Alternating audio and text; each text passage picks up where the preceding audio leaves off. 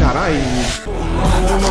Cara a cara, no más refuego, vamos a ver que no se para, dispara. Cara a cara, frente a frente otra vez. Saludos, me acompaña en Pontevedra Viva Radio Viviana Berna- Bernal, no lo digo bien, una joven, entre otras facetas, escritora colombiana que ha recalado aquí en, en Pontevedra dentro de una gira lectora por España y Portugal. Lo primero de todo, darte la bienvenida y gracias por, por aceptar nuestra invitación para tener aquí esta pequeñita charla. Gracias, Marixa. Eh, no, el, agradecimiento es mío por la invitación, por este espacio y que me complace mucho. Mira, he, visto, o todos hemos oído hablar de giras, estoy de gira, una gira y tal, pero esto de las giras de, de lectura no, no es muy frecuente. Cuéntanos, ¿qué es esto de una gira de lectura? Bueno, he estado eh, en el último tiempo, entre el año pasado y este, estrechando vínculos con España a nivel literario, eh, a raíz de una serie de encuentros con autores de aquí y editores en otros festivales de, de otros países. Y también porque mm, recientemente la editorial Vaso Roto publicó una antología de poetas colombianas eh, 17 poetas colombianas dentro de una serie que ellos tienen por países y pues incluyeron mi obra y también la editorial Amargor eh, de Madrid. Eh, hizo una antología de tan solo 10 eh, autores colombianos donde también incluyeron mi obra, entonces un poco como que se han estrechado esos lazos, también pues como de, difusión y de- de la obra que está circulando. Entonces vamos en Madrid, por ejemplo, vamos a presentar la antología eh, de, de Amargor. eh, con Vaso Roto no alcanzamos por los tiempos, pero sí hay una serie pues como de actividades en función de, de mostrar estas obras. Ujú. Eh, es tu primera visita a, a Galicia, me decías. A Galicia sí, en España he estado en varias veces, varias veces, pero a Galicia sí es la, la primera. Y el puente con Galicia fue eh, la revista Ligeia eh, y su director eh, Marcus Daniel Cavada, mm, que también pues es un autor eh, que descubrí que me parece muy valioso de, aquí de Pontevedra. Eh, su poesía, además es editor, está dirigiendo una colección de la editorial Ur- Urutaú. Y bueno, él fue como el puente también con, con este espacio que hace, pues me parece que está haciendo un trabajo como editor, como autor y como difusor de la poesía. Hace poco le dedicaron un número, bueno, un espacio importante a autores de Colombia en la revista. Entonces, como que ese tejido que se va dando eh, a través de la literatura, en este caso de la poesía, eh, es muy frecuente. Mm, se van tendiendo unos puentes transatlánticos, universales, y es muy bello la manera como eh, con los escritores nos vamos encontrando y nos vamos tejiendo caminos y abriendo puertas. Creando sinergias, a, fin de, a fin de cuentas. Sí. Por cierto, Marcus, como decía Viviana, es de Pontevedra y aunque no lo escucháis, nos está acompañando aquí en el estudio de, de Pontevedra Vida. Eh, presentas nada más Pájaro de, de Piedra, tu publicación de 2016, si no me equivoco. Sí, a finales de 2016, mm, producto de un premio regional en Colombia, mm, se publica y luego eh, ya quedó de finalista en el Premio Nacional del Ministerio de Cultura de Colombia eh, en 2017. Y pues esa es eh, mi obra más reciente. Eh, acaba de citar eh, ese premio, Premio Gobernación de Quintío 2016. Sí, del Quindío, que es de donde soy. Eh, medalla del mérito literario de, eh, no, no me atrevo a decirlo bien porque no soy capaz de, de leer mi propia letra, lo siento, y Premio Nacional de Poesía de Colombia 2017. Con lo cual estamos ante una jovencísima escritora reconocida. bueno, eh, eso de ser reconocido, eso es, mm, yo diría que uno va haciendo camino, ¿no? Y que pues se van, van sucediendo cosas, pero yo creo que más allá de, de los premios, los reconocimientos que son importantes y son muy estimulantes para el trabajo y también para justamente para estos espacios que se van abriendo gracias a esos reconocimientos. Creo que lo esencial es, lo que uno busca con la escritura, ¿no? Creo que finalmente eso es lo que tiene más peso para uno, el, el hecho mismo de escribir y, y, las preguntas que uno se hace a través de la escritura y que por supuesto no se responden, pero que, que al menos intentan ser preguntas cada vez como más diáfanas. Uh -huh. ¿Escribes poesía? ¿Escribes narrativa? Sí, ¿Dónde te sientes es, más cómoda, Viviana? Mmm, la verdad es que la narrativa me apasiona, como lectora también. Mm, ambos géneros me dan dificultad porque para mí escribir no es fácil. Eh, incluso para quienes es fácil, es, es, difícil, ¿no? Porque sobre todo cuando hay rigor, cuando hay un, un, una exigencia. Eh, pero sí, voy, es, eh, he hecho cuento corto. Ahora estoy en un proyecto narrativo como de largo aliento que todavía no sé qué tanto aliento va a tener. y bueno, la poesía la escribo desde niña. Uh -huh. eh, la tendencia desde niña era escribir poemas. Ese es el género como inicial. Y bueno, los voy llevando.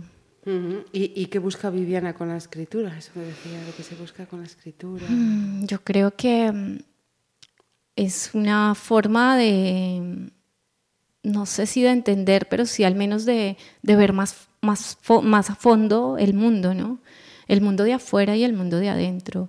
Y, y lo que busco es como eh, permear, permear la realidad, de permear eh, las cosas, los seres, las almas, el silencio eh, mismo de, de todo. Uh -huh. Entonces creo que tiene que ver, es como una forma de, de ir por la vida, eh, de, es que estar aquí no es fácil. Entonces, eh, para mí la escritura es una forma de llevarlo mejor.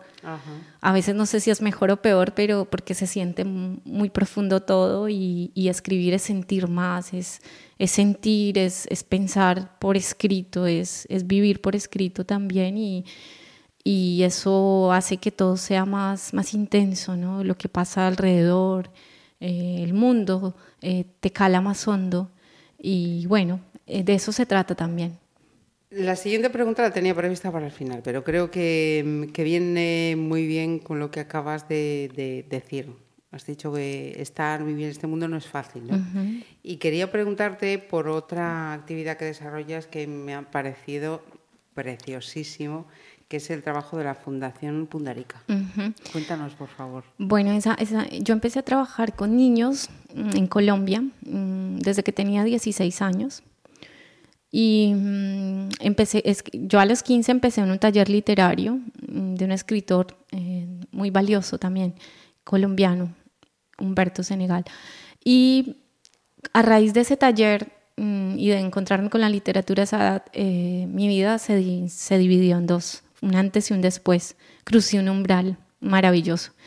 Y bueno, entonces eh, me sensibilicé tanto con la literatura y que tenía como la necesidad de compartirla con los niños y empecé a trabajar con niños de escasos recursos, de las zonas más marginales, del área urbana y del área rural, de manera voluntaria. Pero con el tiempo, pues bueno, ya terminé la secundaria, había que decidirme como qué iba a hacer, no quise entrar a la universidad en ese momento. Entonces dije, bueno, yo quiero seguir trabajando con los niños, pero también tengo que sobrevivir, ¿no? Siempre la parte más, más real de todo, ¿no? La menos poética, que es trabajar y ganar dinero y pagar facturas. Efectivamente. Pagar las, las facturas, bueno. Entonces, mmm, empecé a gestionar como recursos como persona natural, pero eh, la institucionalidad empezó como a exigir, ¿no? Como que había que tener una figura jurídica y un poco se dio como por azar lo de crear la fundación, pero finalmente me constituí legalmente como una fundación eh, hace 11 años y empecé a hacer eh, formulación de proyectos eh, ante el Estado y ante la empresa privada para recibir recursos y, e invertir en los niños y al mismo tiempo poder tener como unos ingresos que me permitieran llevar las dos cosas, ¿no? La, la supervivencia, pero también el trabajo uh -huh. cultural y social. Entonces, desde entonces no he parado, eh, año tras año he trabajado con los niños y es un trabajo bellísimo porque pues son comunidades muy necesitadas de estos espacios. Yo estoy convencida de que la, la cultura, las artes, y en la cultura en general, pues eh, sobre todo las artes, mmm, pues son una herramienta infalible de transformación social y sobre todo en comunidades tan difíciles como las colombianas. Entonces, pues convencida de eso, he conservado esa labor y consiste en un programa literario para niños de 8 a 12 años durante todo el año eh, de sensibilización, obviamente a la literatura, leer, pero eh, realmente es una sensibilización frente al mundo, a su realidad. Yo lo que digo es que mm, hacemos que lean su realidad de otra manera para que escriban su vida también de otra manera. Y, vaya que ha sucedido, eh, ha sido muy bello porque mm, cada rato me llegan mensajes de niños que ya no son niños, que estuvieron en el taller hace 8 o 9 años y me escriben, hola, profe, conservan mi número, me llegan al WhatsApp y conservan mi número y me dicen, profe, yo soy tal mm, de tal taller, tenía 8 años, ahora estoy estudiando literatura, sigo leyendo, sigo escribiendo. Y son niños que tú piensas, no, no, no hay opción de nada, porque les espera una realidad muy cruda. Y bueno, estos giros, por un niño que haya hecho eso ya valió la pena, pero realmente ha ocurrido muchas veces. Entonces es muy reconfortante. Eh, son niños con una receptividad y con una sensibilidad enormes. Y bueno, eh, yo sigo insistiendo. entonces esa es como la, la, labor de la fundación, que también tiene el sello editorial, pues que, que también va paralelo con ese trabajo social.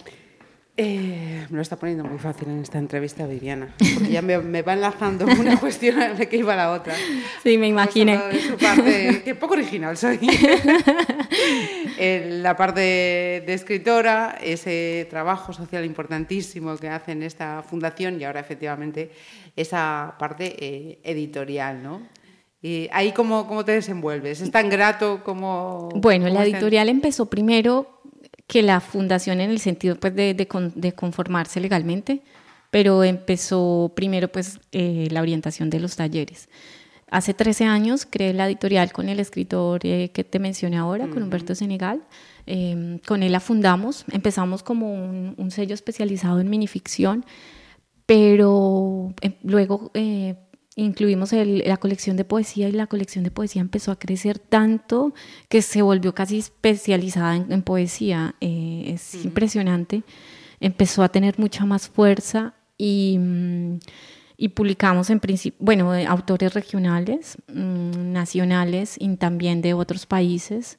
Hemos publicado, por ejemplo, a Luisa Valenzuela, Argentina, Laura Zabala de México, em, autores pues de, también de España, Francisca Noguerol, eh, que es profesora en Salamanca, y bueno, de Venezuela, de otros lugares. Mm, poesía, novela. Ahora mm, recién creamos una colección de novela a partir de un concurso nacional con el, el, periódico El Espectador, que es el periódico más antiguo de Colombia.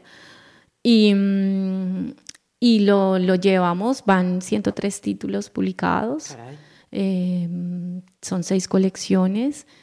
Mm, y bueno, ser editor no es fácil, es un trabajo también muy exigente, pero mm, es que mm, yo no sé, yo nunca me, me planteé nada, todo fue como...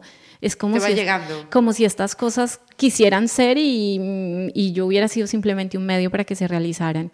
Ocurrió algo muy bonito que, que yo creo que sintetiza muy bien eh, a la poeta, bueno, a la escritora y a la editora. Y es que cuando tenía como 13 años, eh, escribí un libro de poesía, yo no tenía ni la menor idea de nada, pero tenía siempre la tendencia a pensar y a sentir por escrito en, la infancia.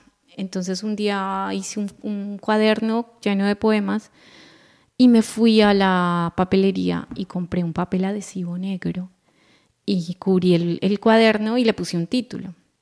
Bien, eso ocurrió y con el tiempo estaba justamente en una entrevista de radio y me preguntaban, bueno, ¿y cómo surgió Aaron la editorial y cómo surgió la escritura? Y en ese momento tuve esa epifanía y recordé ese, ese acto iniciático. Eh, de darle forma. Que claro, cuando surgieron la poeta y la editora, porque tuve el, el, impulso de ir a hacer un libro y yo no tenía ningún referente de nada, ni familiar, ni nada. Entonces fue muy bonito y, yo diría que ese fue el primer libro y además era un cuaderno negro. Después le di ese nombre a la editorial y no recordé eso en ese momento, o sea, no, no fue intencional. No consciente de aquello. Entonces es muy bello porque se da uno cuenta que son cosas que están dentro de uno, que vienen no sé de dónde, pero que en algún momento afloran. Entonces, bueno, el trabajo con la editorial es esto, mm, también hace parte de la fundación, entonces por un lado es como eh, un sello que hace parte de una entidad sin ánimo de lucro, pero también tiene el, espíritu pues comercial, ¿no? De, eh, yo digo que es sin ánimo de lucro, pero sin ánimo de pérdida.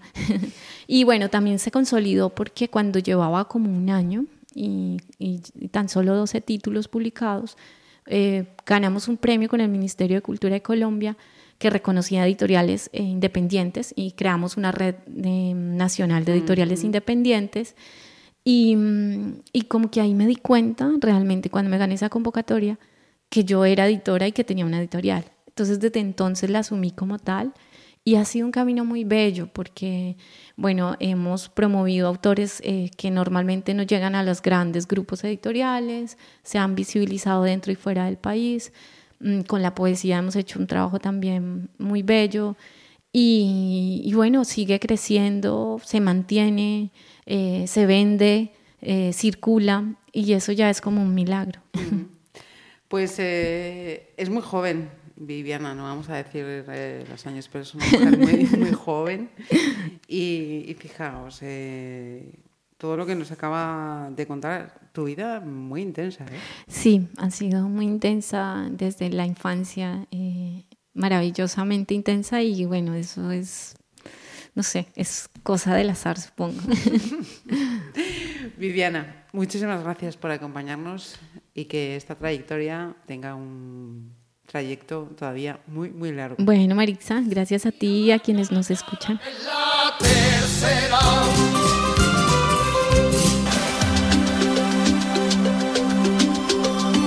Amigos, ¿cómo están? Bienvenidos. Estamos en el cara a cara. La conversación, la confesión, usted sabe.